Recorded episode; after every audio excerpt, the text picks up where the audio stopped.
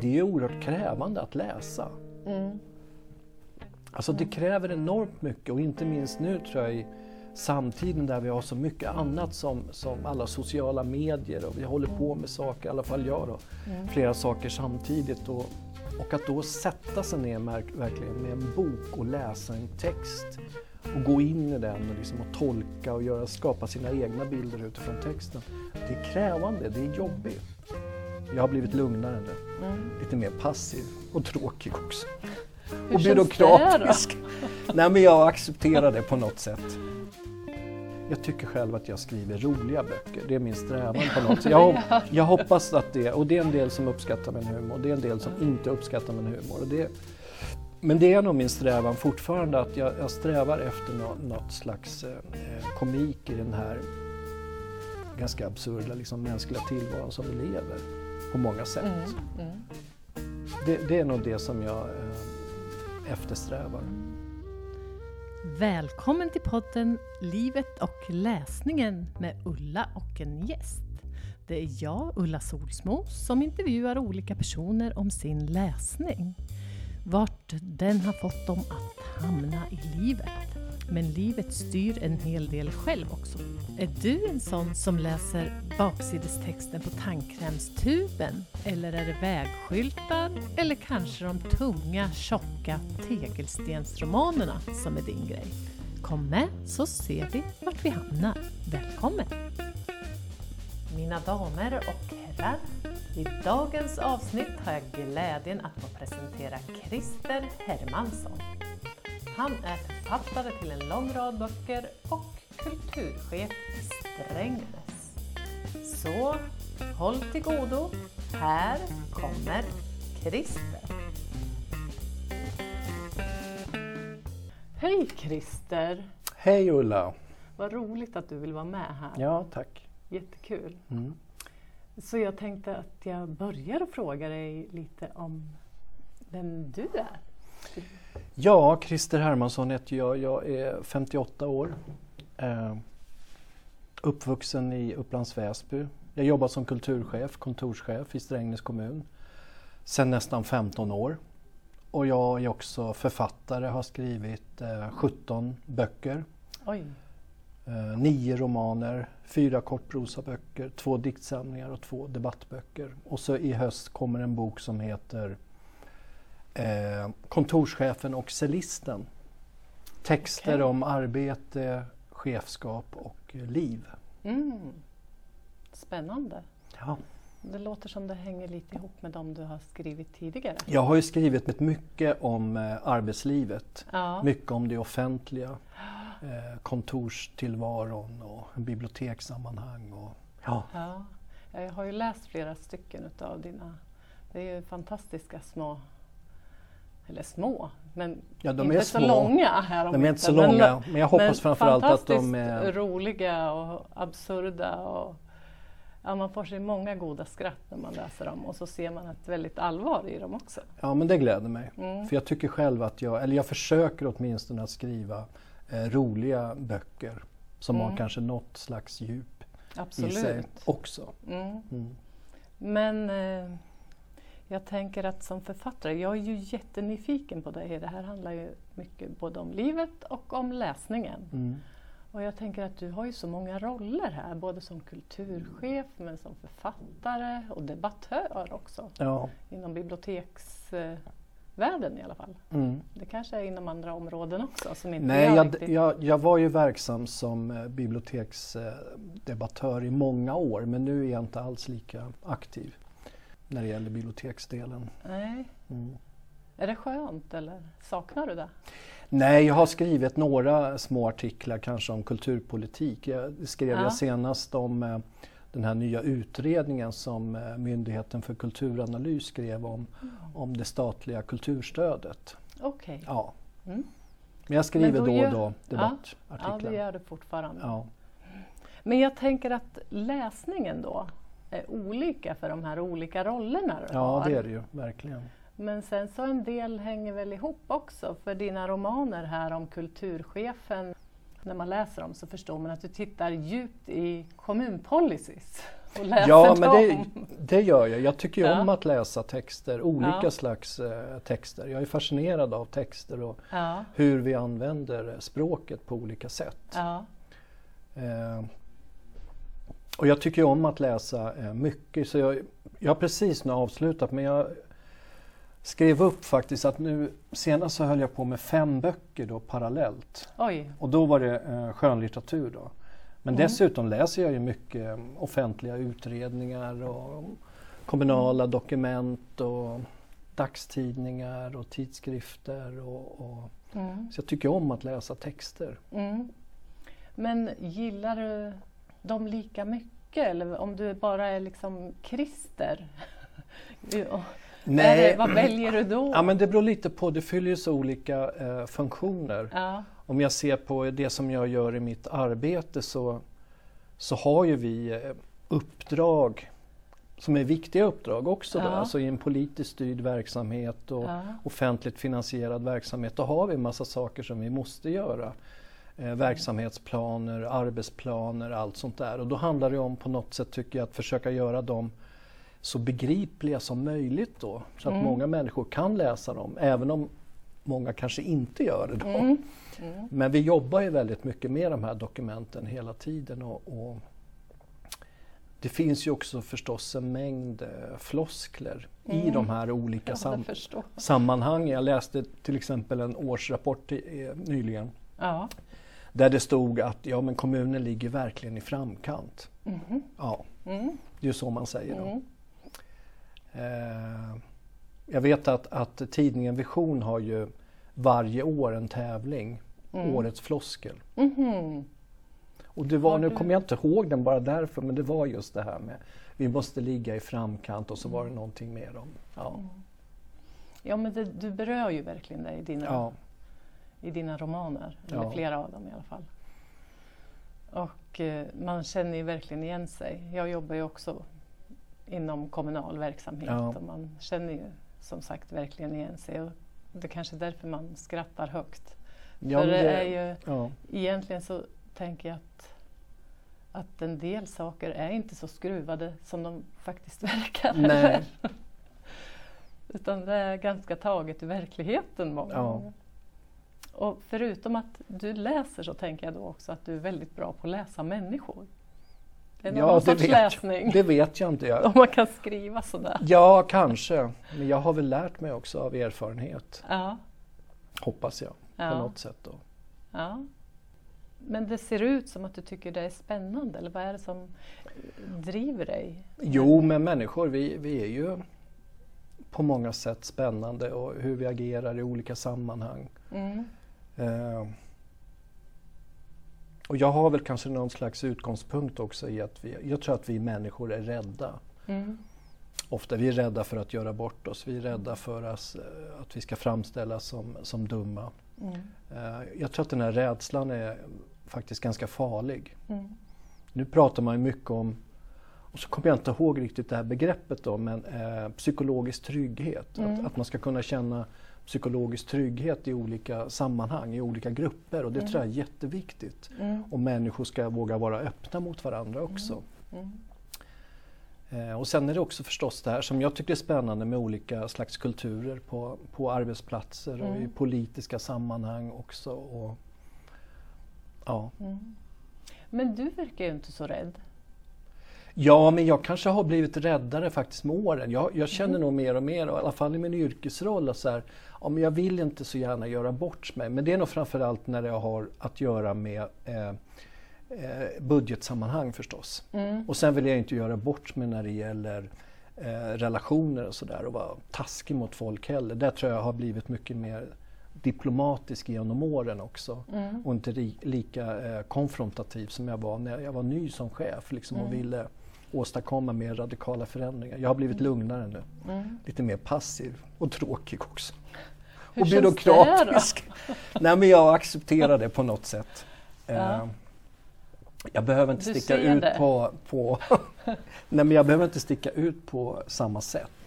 Utan nu kan jag göra det. Jag skriver mina böcker och eh, så länge det finns förlag som vill ge ut dem så kommer jag nog fortsätta med det. Mm. Mm. Men jag behöver inte provocera på samma sätt som jag kanske gjorde mer när jag eh, debatterade biblioteksfrågor. Mm. För där känner man ju också igen väldigt ja. mycket där du skriver om. Mm. Och du får, har både fått ros och ris. Ja, ja visst, det. det är många som tycker väldigt illa om det jag skrivit, så är det ju. Är det det? Ja, ja visst. Aha. Och det har jag fått höra också. Mm. Hur tar du det då? Eh, ja men det är väldigt olika det här. Men jag, jag, kan, alltså jag känner ganska många författare. När det gäller de här skönlitterära texterna så tycker jag på något sätt att om du väljer att publicera någonting då måste du också vara beredd på den här offentliga kritiken som det innebär. Mm. Det måste man vara om man mm. publicerar mm. texter. Och då får man lov att eh, tåla det mm. på något sätt, den här offentligheten. Mm. Då. Eh, men sen om det blir förstås eh, eh, personliga påhopp och så, det, det är kanske inte lika roligt. Händer det också? Det har hänt och det kan hända. Men jag har ju också skrivit dumma saker också, det måste jag säga. om människor som jag inte borde ha gjort, som jag kanske kan tycka att jag, det skulle jag gjort annorlunda nu. Mm. Så är det. Mm. Och det är inte bara för att du har blivit tråkig som du själv sa? Nej, men liksom det är väl också, det är väl också någon slags dumhet som jag har haft, att jag har inte förstått att det jag har skrivit i texter som har publicerats har träffat väldigt hårt. Jag har inte mm. fattat liksom, den kraften det kan ha i en text. Okay. Och kanske någonting som hamnar i en bok. Mm. Att det kan göra så fruktansvärt ont mm. för den som blir utsatt för någonting. Då. Mm. Även om det inte är den liksom, intentionen som jag har haft när jag skrev det här. Mm. Ja, det kanske kan vara lite svårt att se om det är eh, ja. om du gör det med glimten i ögat eller ja. om du pangar på. Mm. Mm. mm.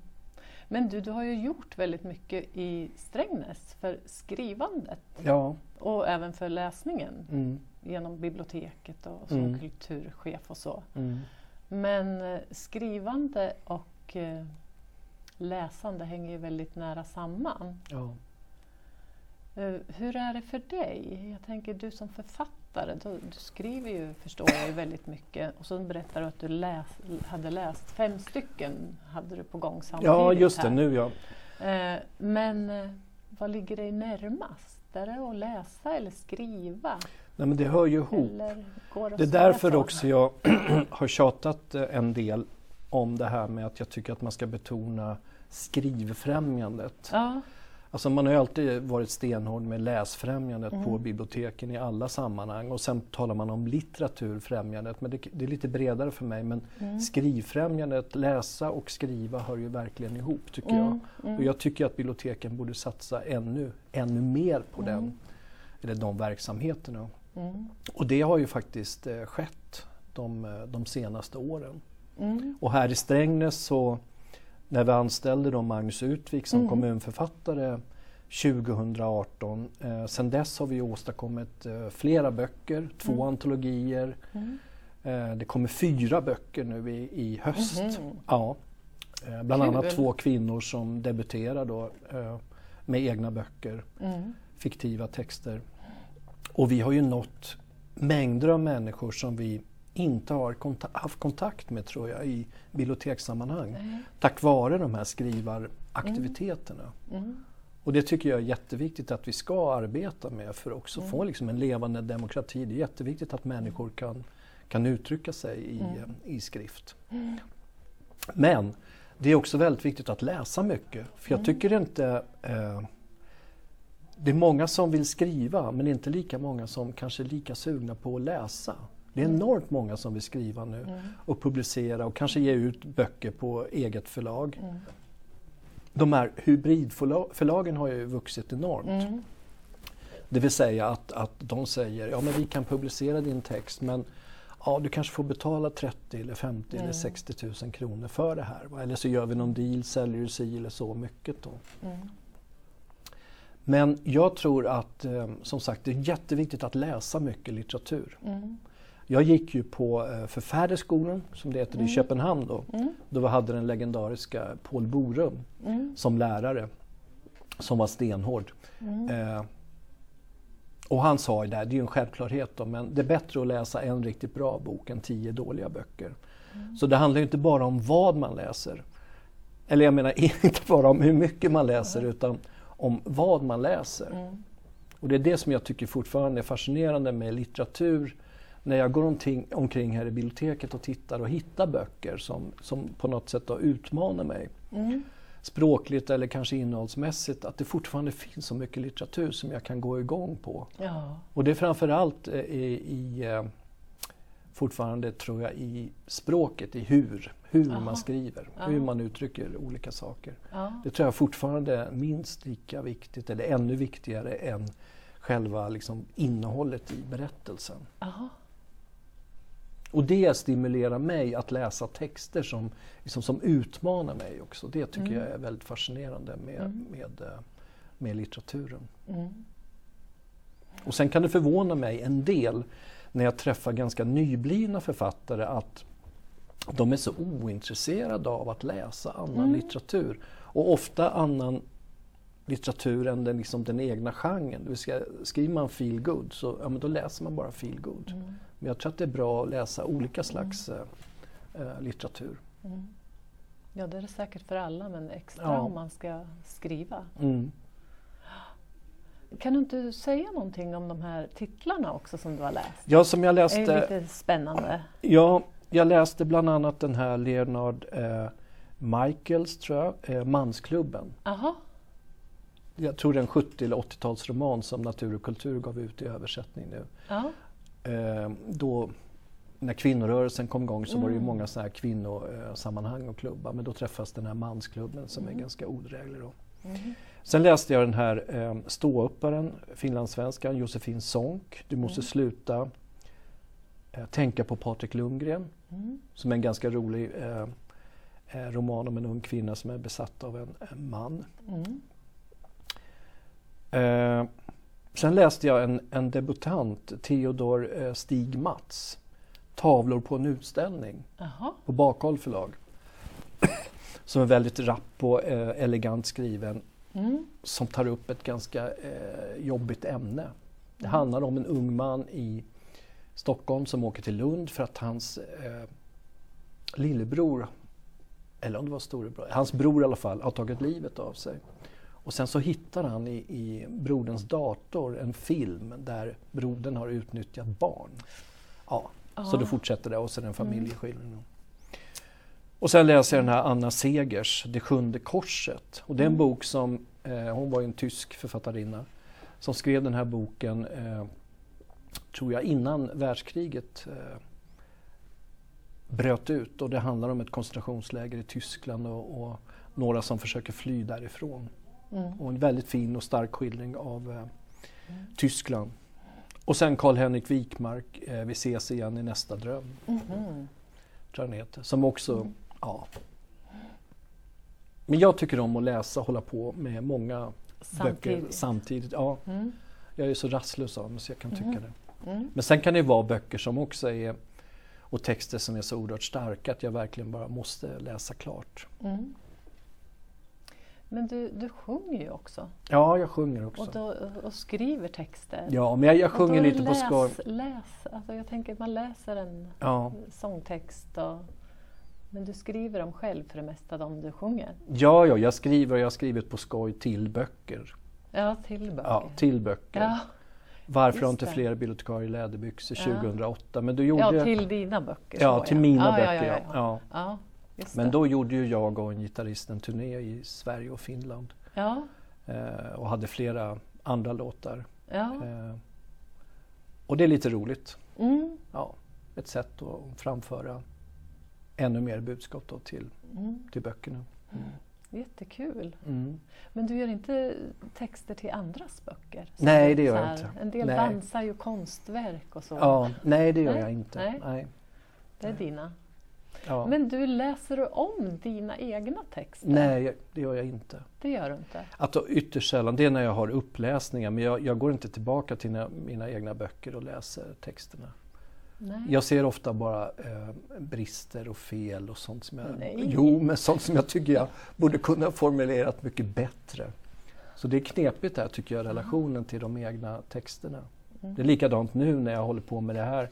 För nu ska boken så, Ja. snart sättas. Jag tycker fortfarande med vissa texter, äh, men kan jag verkligen skriva så där? Och så är jag jätterädd för att gå in och börja peta i dem för att då, då kan jag bara liksom fullständigt sabotera texterna. Mm.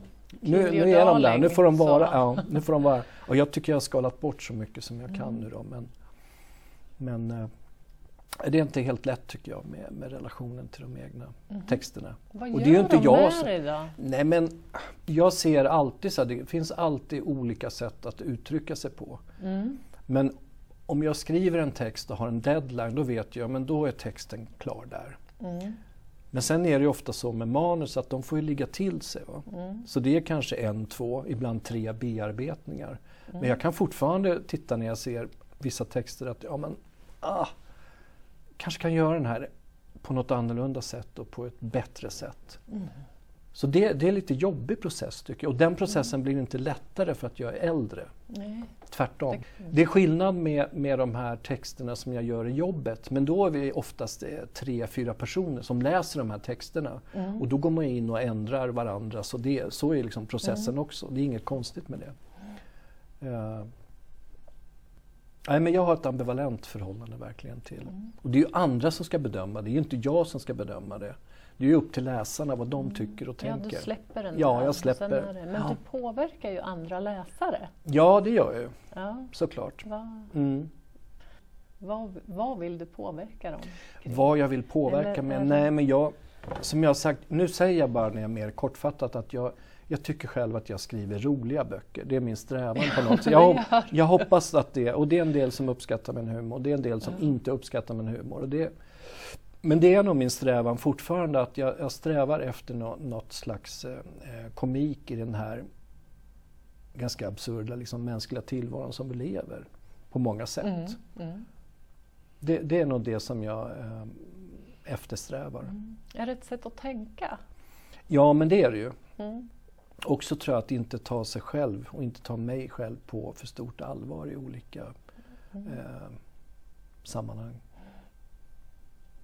Jag ser ju också att i dina eh, romaner så är det ju läsande personer Mm. i dem. Ja, du men det är har väldigt mycket läsning Det är mycket med. litterära referenser. Ja. Ja. Den jag läste i senast, då var det Bibeln Mm. och så var det Ordspråksboken ja, tror jag. just det. Ja. Ja, deckare var det någon som läste. Deckare? Men jag Ja. brukar inte citera deckare. Nej men du citerade inte deckare utan det var nog mer personen som liksom, du ville få fram någonting om Ja, hur ja. den var. Mm. Men du har, använder ändå läsning Ja. som det finns med i dina, hos dina karaktärer tänker jag. Mm. Men de andra eh, citerar du nog ifrån. Ja. Mm. Sen tänkte jag på det där, du skrev så här. Dels om, eh, nu ska vi se här. Ja just det, med, med musik hänvisar du till också mycket. Mm. Och vad den gör med, med oss. Jo, jag lyssnar gärna på Maria Callas. ja, Eh, Cecilia Bartoli. Franco Corelli Ja, och. Jussi Björling för Mm. att nämna några. mm. För att det i sina bästa stunder förmår att beröra mig emotionellt och Mm. påverka mitt sinne och därmed mina handlingar. Mm. Och det gör ju musik, Ja. att de liksom går rakt in. Mm. Men finns det också läsning som gör det? Nej, men en stor skillnad, jag har en, en eh, äldre bror som är yrkesmusiker då. Ja. Och eh, jag har ju följt hans karriär i många år och eh, lyssnat på honom i jättemånga olika sammanhang. Och det som jag är avundsjuk som författare det är den här direktheten som Mm. musiken har. Mm. Alltså den, den slår ju an en ton Mm. direkt sådär, Ja. och träffar så eh, ibland intensivt. Till exempel Maria Callas, alltså jag hör ju direkt, en sekund, två sekunder, Mm. hör jag att det är Maria Callas och hennes eh, enormt eh, delvis så här påfrestande röst. Mm. Eh, och det är jag väldigt avundsjuk på för där är musiken mycket enklare och, och liksom mycket mer kraftfull. Mm. Litteraturen är ju det är oerhört krävande att läsa. Mm. Alltså det kräver enormt mycket och inte minst nu tror jag i samtiden där vi har så mycket annat som, som alla sociala medier och vi håller på med saker, i alla fall jag då, Mm. flera saker samtidigt. Och Och att då sätta sig ner verkligen med en bok och läsa en text och gå in i den och, liksom och tolka och göra, skapa sina egna bilder utifrån texten. Det är krävande, det är jobbigt. Mm. Och därför blir jag väldigt provocerad av när jag hör en del människor som jag känner och som säger att de läser när de lyssnar på ljudböcker. Mhm. Men om man lyssnar på en ljudbok eller även en talbok, då har du ju också du har redan en tolkning Mm. som den här skådespelaren Mm. gör utav texten. Mm. Så att det finns ett filter emellan. Mm. Och det är precis som att lyssna på, på radio eller se på film. Alltså Mm. du kan ha på det där, du behöver inte göra någonting särskilt. Men att läsa är som sagt enormt krävande. Mm. Det är jobbigt. Mm. Och vissa texter är, är väldigt jobbiga. Ja. ja, men det är de. Men jag tänker att ändå att det kan finnas sådana texter eh, som man ändå återkommer till. Eller Mm. det kan ju vara nya också. Och man vet att de här gör någonting med mig. Jag, jag liksom blir bekräftad eller jag får Mm. lära mig något nytt igen. Och det här, Mm. Att det är någonting som, som musiken också gör. Att man får, alltså det går in i, det går Mm. in i själen på en. Mm. Så är det. Så, men det tar lite längre tid, det håller jag med dig om verkligen. Nej men jag har ju... Den- Eh, Musiken det kan ju gå på, en, det går ju på sekunden. ja, eller som min bror säger, han brukar ta fram vissa noter och läsa Ja, för att bli, komma i någon viss stämning och sådär. ja, Och jag har ju en del eh, författarskap också som jag kan återvända till om jag Mm. vill läsa som jag blir på väldigt eh, gott humör av. mm, Mm. Så, det, så är det verkligen mm, med litteraturen också. mm. Men då måste jag få fråga, när du blir på gott humör, Ja. är det för att den skriver bra eller roligt? Eller? Nej, men jag har liksom det- några gamla så här favoritförfattare som jag tycker om och då är det mer eh, perspektivet som de har i sitt sätt att eh, berätta och det är Danil Charms, finns det Aha. en rysk absurdist som Mm. finns översatt, ganska många texter på svenska. Mm. Eh, fanns en författare som heter Konrad Bayer, också österrikare, som Mm. också skrev korta absurda texter. Mm. Som finns med i din... eh, Ja, jag refererar. Ja, just det. Och eh, ja, där var ju huvudpersonen Konrad Bayer, det var för att hedra honom. Eh, och det finns Henri Michaud och jag kan läsa Ekelöf, vissa texter också, blir på väldigt gott humör. Och, Mm. eh, ja, det finns en mängd författare så där som jag gärna Mm. Återkommer till just för Mm. att eh, Mm. för jag tycker om deras sätt att, att skildra, Mm. skildra världen på dem. Mm. Men du, hur gick det till när du började både läsa och skriva blir jag nyfiken på. Ja, jag, eh, jag läste tidigt böcker. Vi Ja. gick till biblioteket, kommer jag ihåg, och vi lånade. Ja. och mina föräldrar läste för mig. Eh, och sen började jag hålla på med musik. Så jag spelade i band tidigt då. Mm. Spelade trummor och, eh, i Upplands Väsby. Och sen så tror jag det var i sjuan mer så började jag skriva texter. Då skulle jag plötsligt skriva eh, svenska texter istället för engelska. Mhm. Och eh, då gjorde jag det, ett antal texter. Mm. Och sen började jag också hålla på lite i en skoltidning som vi hade i åttan och skriva texter. Mm. Och sen på gymnasiet så jag läste inte sådär jättemycket men jag skrev, började skriva så samhällskritiska insändare som jag fick in i Aftonbladet. Då. Mhm. Ja. Vad kunde det handla om då? Eh, vad heter det? Samhall, vad hette det på den tiden? Men då hette det någonting annat. Det skrev jag en text om i alla fall. Ja, om just Ja. ja, ja, ja. och lite andra eh, saker. Och sen så blev det... Sen började jag skriva dikter så här, eh, ja, i gymnasieåldern. Mm. Och eh, jag tryckte upp på ett eget förlag för jag förstod inte då att man kunde skicka till förlag. Mhm. Så jag tryckte upp en liten Mm. diktsamling som hette Mirakel som jag gav ut Mhm. 1983. Hur gammal var du då? Då var jag 20 20? och sen flyttade jag till Göteborg och började plugga där. Mm. Och då fanns det ett ställe som hette Galleri Hybris, Mm. ett talande namn då. Mm. där man kunde läsa upp. Aha. Så där träffade jag eh, många likasinnade poeter. Och Mm. sen samtidigt som jag pluggade i Göteborg så, så började jag eh, skriva då framförallt poesi men även en del prosa som jag skickade och dunkade ut och fick massa refuserat på förlag. Men jag fick också en hel del antaget på olika Mm. eh, tidskrifter och tidningar och Mm. sådär. Och sen när jag gick på Bibliotekshögskolan så fick jag tre texter publicerade i eh, DN litteratur, och sånt där, Mhm. prosatexter, 88 tror jag det var. Mhm. Vilket var jättebra. Och sen kom jag in på den här författarskolan då i Köpenhamn Mm. som jag började året efter. Och sen 1990 blev det min riktiga debut, då, en prosabok. Mm. Mm. Och sen har det... Ja, sen har det Ja. fortsatt. Ja, Och du klarar av det där samtidigt som du är ja jag försöker. kulturchef och Ja, du hinner försöker. allt. Ja, jag hinner inte allt. allt eh, alltid kanske. Jag skriver inte lika mycket nu som jag gjorde förut. Då, men jag skriver ju koncentrerat i perioder. Mm. Och sen har jag haft förmånen att under ganska många år hade jag bra eh, stipendier Mm. som gjorde att jag kunde ta tjänstledigt också Ja, några månader ja. då och då. Men du kan skriva så på beställning då?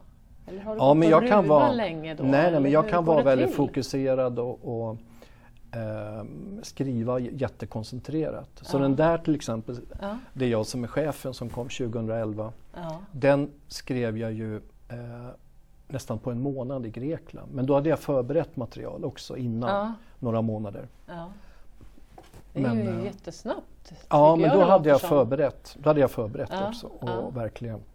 Är du väldigt strukturerad? Ja, det är När jag väl skriver så är det. Ja. Mm. Mm. Försöker vara i alla fall. ja. ja.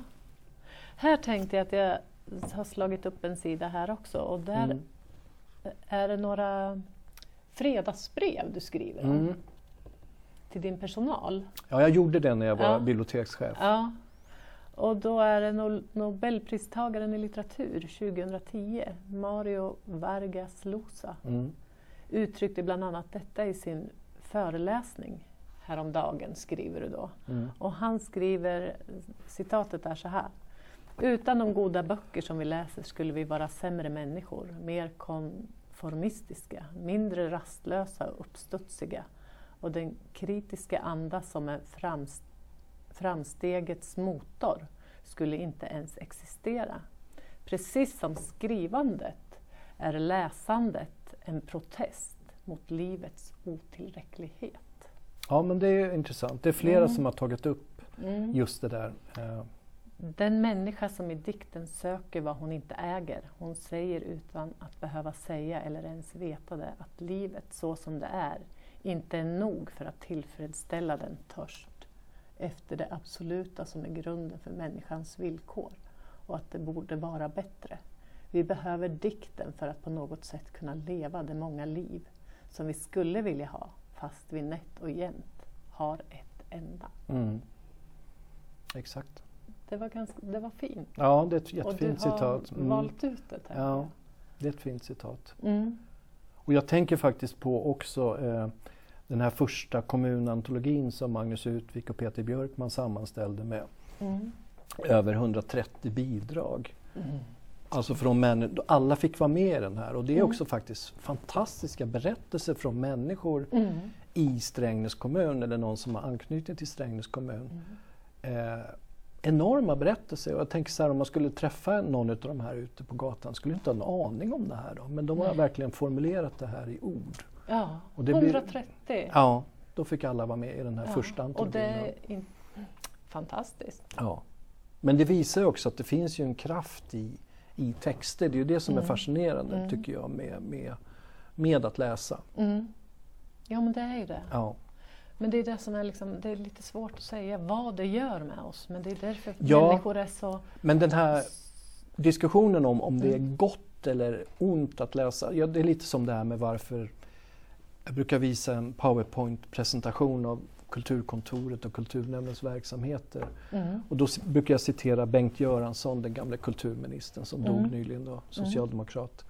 Eh, där han uttrycker på något sätt att kultur behöver ju inte vara någonting bra. Det kan ju också vara någonting dåligt. Det kan ju sätta igång en mängd olika liksom, dåliga aktiviteter Ja, också. precis. Så att man behöver inte självklart säga att litteratur är bra eller litteratur är dåligt. Jag tror att det kan vara olika för olika personer också. Mm. Eh, Nej, det är väl som med allting annat, tänker jag. mm, Att, och det gör olika med oss såklart. Mm. Man blir inte självklart empatisk, som en del Nej, säger, det bör man verkligen för inte att bli. man läser. Nej. Det beror ju på vad man läser och Så hur man tolkar in det. Mm. Men, men hur är det, läser du även eh, dina recensioner och så? ja, visst det som gör jag. Ja. Mm. Hur Ja. känns det? Ja, alltså i början tyckte jag det, att det var jätteviktigt med, med recensionerna och eh, hur böckerna togs emot. Men ju äldre jag blivit liksom, och ju längre jag håller på, det är inte det som är det viktiga. Utan det viktiga är ju, tycker jag, för mig att jag fortsätter att skriva, att jag har någon slags lust och, och vilja och ja, att jag fortsätter att uttrycka mig. Sen Mm. hur det tas emot, det är, det är inte lika eh, viktigt på det sättet. Men det är klart att jag blir glad om det är Mm. någon som läser och Ja. uttrycker Mm. eh, någonting. Mm. Men nu har det också, jag, jag tycker den senaste, de senaste åren har litteraturkritiken som har minskat i många stora dagstidningar, den har ju blivit mycket mer eh, spretig och Mm. mycket mer här, subjektiv. Mm. Alltså jag kan tycka att många recensenter skriver för lite om bokens innehåll utan de skriver väldigt mycket om sig själva. Och Mm. jag tror att det är en sån tid vi lever i också. Mm. Att de måste positionera sig i många sammanhang då. Mm. Men jag är ju intresserad av, om jag läser en recension, då vill jag veta vad den här boken handlar om framför allt. Mm. Sen den här bedömningen om, om huruvida den är bra eller dålig, det är inte lika intressant. Men jag vill ju, ja.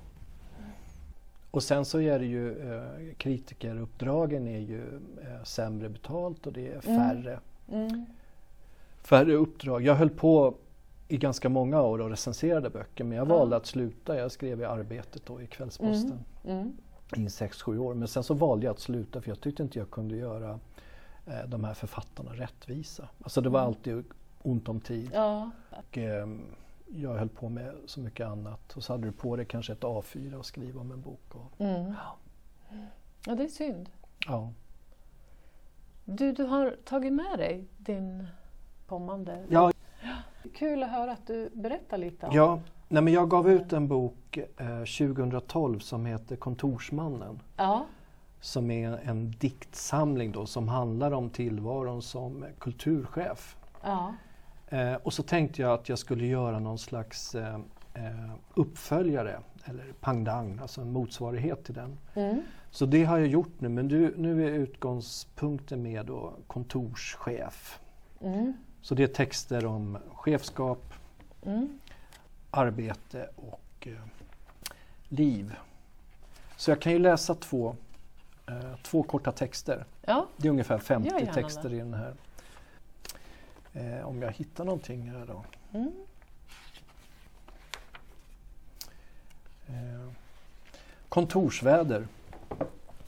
En bra sak med att arbeta inomhus är att kontorsvädret i stort är detsamma året runt. På sommaren är det förstås något varmare, på vintern något kallare. Men regna gör det aldrig i kontorslandskapet. Medarbetarna behöver inte regnkläder eller paraplyer för att arbeta, eller stövlar. Sammantaget är det flera riktigt bra saker som många inte alls reflekterar över. Jag ska ta en kort Mm. text också. Kontorssanning.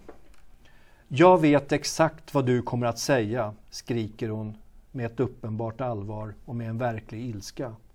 Vad bra att du vet vad jag ska säga, svarar kontorschefen. Då är vi färdiga. Ja. Ja. Så det är korta texter ur eh, kontorschefstillvaron. ja, och när, vi, när kan man hitta den? Ja, november tror jag den ska komma ut Ja. på, på eh, Trombonförlag. Jaha. Mm. Men visst skulle du få en eh, bok översatt till tyska också? Jo, men det har jag. Ich bin ein Bibliothekar, eh, Ja. som är en bok på svenska då, men det är en tysk sång. Den översattes eh, förra året, så den kom ut i våras i, i Tyskland. Ja. Och det handlar ju om en bibliotekarie då. Mm. Och så är det en sång i bibliotekarie. Så jag skulle ha varit nere i Berlin i, Mm. i våras men på grund av Corona så blev det inställt. Men Mm. eventuellt så ska jag ner till Tyskland i eh, Berlin i, i november. Mm. Kul! Ja, det är roligt. Är du mycket i Berlin? Ja, ganska mycket när tillfälle ges. Ja. Och jag läser, försöker läsa ganska mycket tyska. Jag pluggade tyska också Mhm. förra terminen tror jag det var. Mhm. Och läste en jätteintressant eh, samtida litteraturkurs i tyska Ah. på Linnéuniversitetet som Mhm. var väldigt intressant tycker jag. Mm. Mm. Kan du säga något om din läsning där? Om, om min läs. ja. Ja, nu minns jag, jag är så, har så dåligt minne. Men jag, eh, jo, men jag, jag, jag skrev en uppsats eh, på Ja. den här lilla sommarkursen eh, om en roman som heter Faserland Mhm. utav Christian Schracht Mm. som är en, en schweizare Mhm. som kom ut på 90-talet i Tyskland Mm. som handlar om en eh, ung eh, man som gör en resa genom Tyskland. Och det är mycket en resa genom historien Mm. eh, som är väldigt fascinerande. Mm. Den var stark. Ja, Mm. och den finns lite kvar i dig. Den finns kvar och den rekommenderar jag verkligen. Christian Ja. Schracht, Ja. Faserland Mm. med V. Mm. Kan du fler språk? Svenska hyfsat. Nej. Danska lite grann förstår jag. Ja. Ja. Ja. Engelska lite grann. Mm. Går in för olika länders eh, författare? Så. Nej, men tysk litteratur läser ja, jag mycket. Där, där är tysk, Eh, tysk som gäller. Och den där chefsboken den, Mm. den ju, blev ju översatt till finska också. Ja. Mm. Mm. Så det var lite roligt. Mm. Vad säger de om den? Det vet jag faktiskt inte. Nej? Men den blev översatt. Ja. Ja. Jag tänker på att eh, det, visst är det du som ligger bakom litteraturfestivalen i Mariefred också? Ja, alltså jag var med. Det, men det är Eva eh, Karlsson som har Mariefreds bokhandel Ah, Okej. som har drivit den. Men jag har varit med och jobbat med den i Ja. några år. Inte Mm. de sista åren. Mm. Mm. Ja. Kul att eh, kommunen Mm. deltar i alla Mm. fall. Men vi har ett jättespännande projekt om, Ja. om jag får berätta om det. Och det är i det här kommunförfattarprojektet där vi har fått medel då från Statens kulturråd så kommer det komma två intressanta saker. Mm. Känner du till Kurt Tucholsky? Mm, jag känner till namnet, Ja. tror jag. Han var ju en av de stora eh, Weimarförfattarna då, Ja. 20-talets eh, Tyskland och Ja. eh, var antimilitarist och var en satiriker. Ja. Verkligen en stor satiriker. Hans böcker Ja. ges fortfarande ut i, eh, i Tyskland. Och han bodde ju 1929 i Hedlandet utanför Mariefred, Jaha. det mot Gripsholms slott. Och där Ja. skrev han boken Schloss Gripsholm, eller Slott Gripsholm. Mm. Eller Gripsholms slott heter den. Mm. Eh, och den kom ut 1931, alltså för Mm. 90 år sedan i Tyskland. Mm. Och han ligger ju också begravd i Mariefred Mm. på kyrkogården. Mm. Och det är jättemånga tyskar som kommer till hans begravningsplats. Och han eh, tog ju förmodligen då livet av sig när han bodde i Hindås 1935. Mhm. Men för att eh, hylla honom då så kommer det ske två saker i höst då i det här projektet, kommunförfattarprojektet. Mm. Och det ena är att jag har bett en eh, litteraturvetare som heter Marcus Huss Mm. att han ska skriva en bok om eh, Kurt Tucholsky, eh, Tucholsky en slags eh, introduktion till hans författarskap som utgår ifrån Gripsholms slott-boken. Så Mm. den ska komma i slutet på året. Det tror jag blir jättebra för det finns Mm. ingen riktigt bra introduktion på svenska. Nej. Och sen så ska det bli en eh, kabaré Mhm. i Kurt Tucholskys anda som har premiär 17 september här i Strängnäs. Mm. Eh, och det är Kersti Olin som sätter upp där och Mhm. då är det både äldre Tucholsky-texter Mm. på svenska Mm. och så nyskrivet material av några amatörer plus en professionell dramatiker.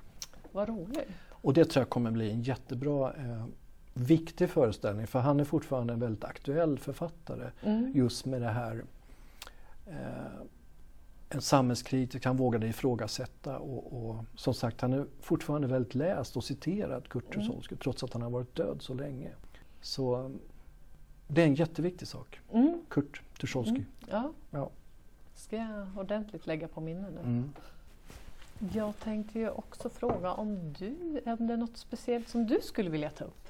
Om läsning? Eller? Ja, eller vad du tycker hänger ihop med det i alla fall. Eller om livet. Oj. Jag tänker du har barn. Ja, jag har vuxna barn. Ja, men när de var små, läste du för dem? Ja. Läser du kanske fortfarande för dem? Ja, vi läste väldigt mycket för dem när de Ja. var små. Och eh, två bibliotekarier som fick barn och nu är alla tre vuxna och alla är jurister. Jaha! Så då Mm. lär de sig i alla fall att läsa bra eftersom det är Ja. många tunga texter på, Ja. på, på den utbildningen. Men de tyckte också att det var för dåligt betalt på, som bibliotekarie. eller? Nej men det är väl bra att de blev jurister. Det ja, det bättre betalt än att bli Ja. eh, bibliotekarie. Ja. Nej Ja, men jag tror att de, kul. ja, nej, men de läser eh, nog Eller vad ganska, var det för böcker mycket. ni läste för dem då? Det, kan du koppla det till det? Ja, Max-böckerna tyckte Max om Mm. förstås. Och, och, ja. Ja, Ja. men vi läste, läste väldigt mycket för dem. Ja, Det tror jag var bra. ja. Nej men igen tror jag, jag tycker det är viktigt att betona att, att om man ska skriva så ska man också eh, läsa väldigt mycket. Mm. Men som sagt, det hör ihop. Mm. Och jag tycker det är konstigt att, eh, att man enbart ägnar sig åt, om det nu är så, läsfrämjande aktiviteter. Jag, Mm. jag tycker man självklart måste koppla ihop det med skrivandet, att uttrycka sig. Mm. Och här har det ju hänt någonting annat också eh, som jag tycker är intressant. Nu hörde Kulturrådet av sig och ville ha en presentation utav det här kommunförfattarprojektet och det Mm. som vi har jobbat mycket Mm. med. Då. Så det kommer snart finnas på deras hemsida då. Mm. Och med en massa länkar till olika inslag i olika medier. Då. Mm. Eh, men ett tag var det faktiskt så här att det var jättemånga, framförallt kvinnor då, som kom till Kulturhuset och ville träffa Magnus för att diskutera sina texter. Mm. Och en gång så sa jag till honom, ja men du är ju riktig terapeut alltså. Det är du som är terapeuten. För de kom dit med sina texter som ingen annan kanske hade brytt sig om dem. Men det har han faktiskt gjort och Mm. coachat dem och Mm. handlett dem och, och kommit vidare. Mm. Eh, så det tycker jag är en jättebra sak. Mm. Och sen har ju han också jobbat jättemycket med det här fängelseprojektet, Mm. Mm. Mariefredsanstalten, som blev också oerhört lyckat.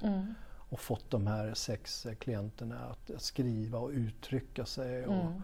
fått ett helt annat liksom, självförtroende Mm. i att kunna skriva eh, texter. Mm. Så det, det är viktigt. Mm. Ja, det är viktigt. Ja. Och sen tänker jag också att du har Björkman. Peter Björkman, Peter- ja, litteraturutvecklare som Att- gör att- fantastiskt Att bra du, arbete. Och det är du också som har... Ja, han jobbar ju halvtid som litteraturutvecklare Ja. och kommer fortsätta med det. Ja, med att inriktning mot vuxna också. Att ha titeln litteraturutvecklare Ja. och att det är just där det Mm. är. Är det fler kommuner som tar efter? När det gäller kommunförfattare så är det ju bara eh, Kalmar där, Region Kalmar tror jag, som har regionförfattare. Mm. Som de har Mm. gjort. Men de har inte gjort så där jättemycket. Jag hade nog hoppats att det skulle bli fler kommuner som vill eh, inrätta kommunförfattartjänster eller kommunpoettjänster. Jag tycker det är jätteviktigt att ha det här skrivande perspektivet. Mm. Och det som vi har kommit igång med det är också att, att biblioteket har sin skriftserie som har Mm. gett ut en, eh, ja, sex, sju titlar och så blir det ytterligare fyra titlar. Ja, men det är ju... Det tycker jag är viktigt också. Mm. Mm. Eh, att vi bedriver en sån eh, verksamhet, för det är viktigt. Mm. Men jag tänker nu också så tror jag att eh, text, man läser inte lika mycket längre. Youtube-filmer och sådana saker, det, det sprutar ju ut sånt. Mm. Att folk faktiskt lyssnar mer och även på böcker. Du sa att det, jag tycker inte riktigt det är samma sak. för Nej.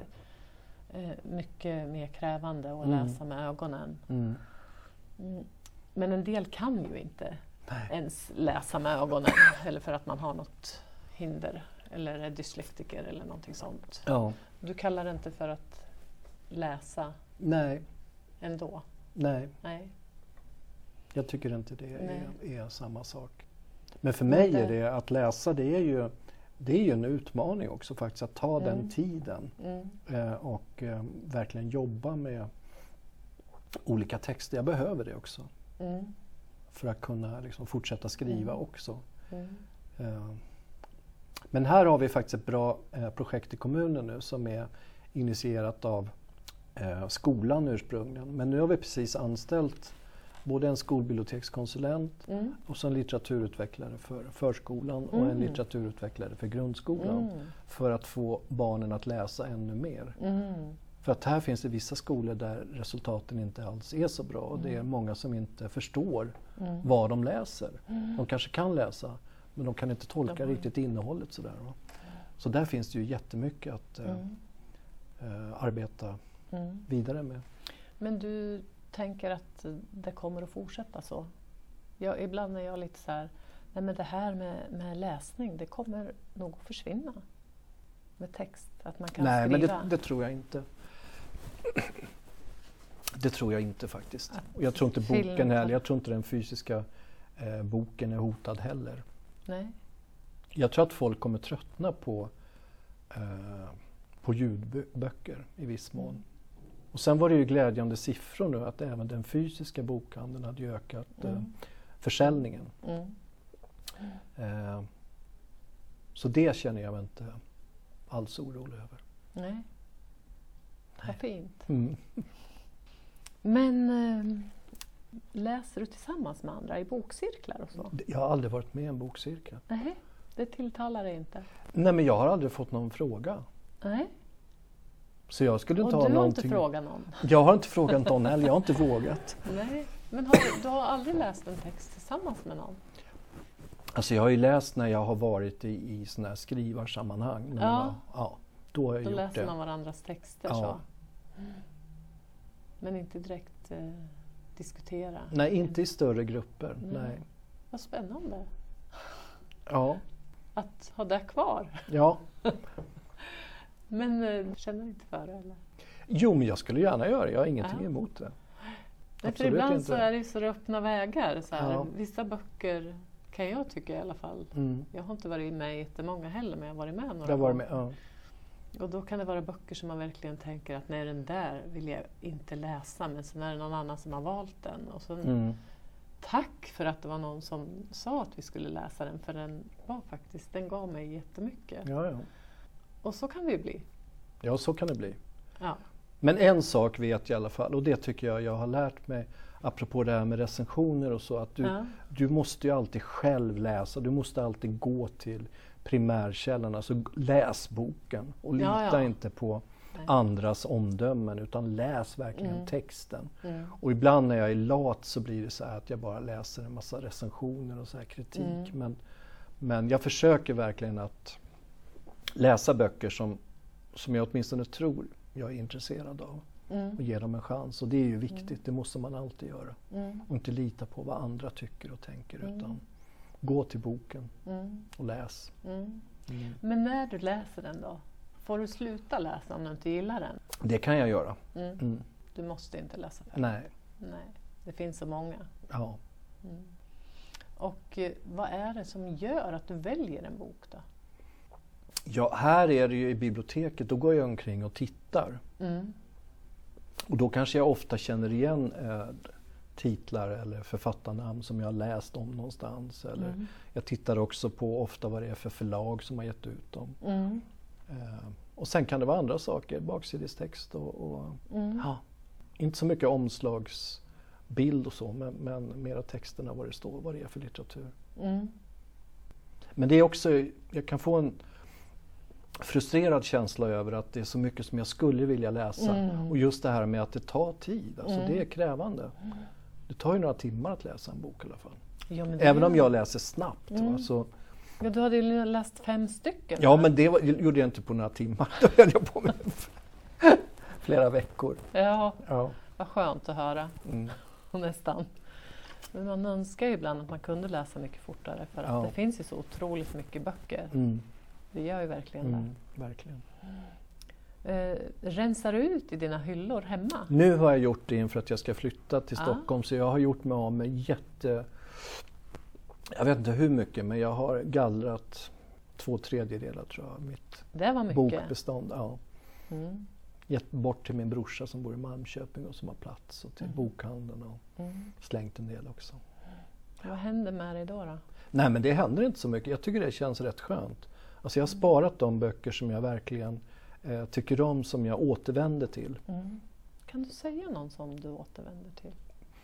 Ja, Sandro K. Åberg, Mhm. Prator, som Prator. eh, gamla så här absurda dialoger. Mm. Eh, Montaignes essäer, den Mm. första utgåvan av Jan Stolpe som jag har antecknat jättemycket i. Mm.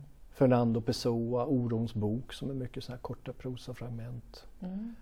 Eh, ja, Ekelöf som sagt och Danil Charms.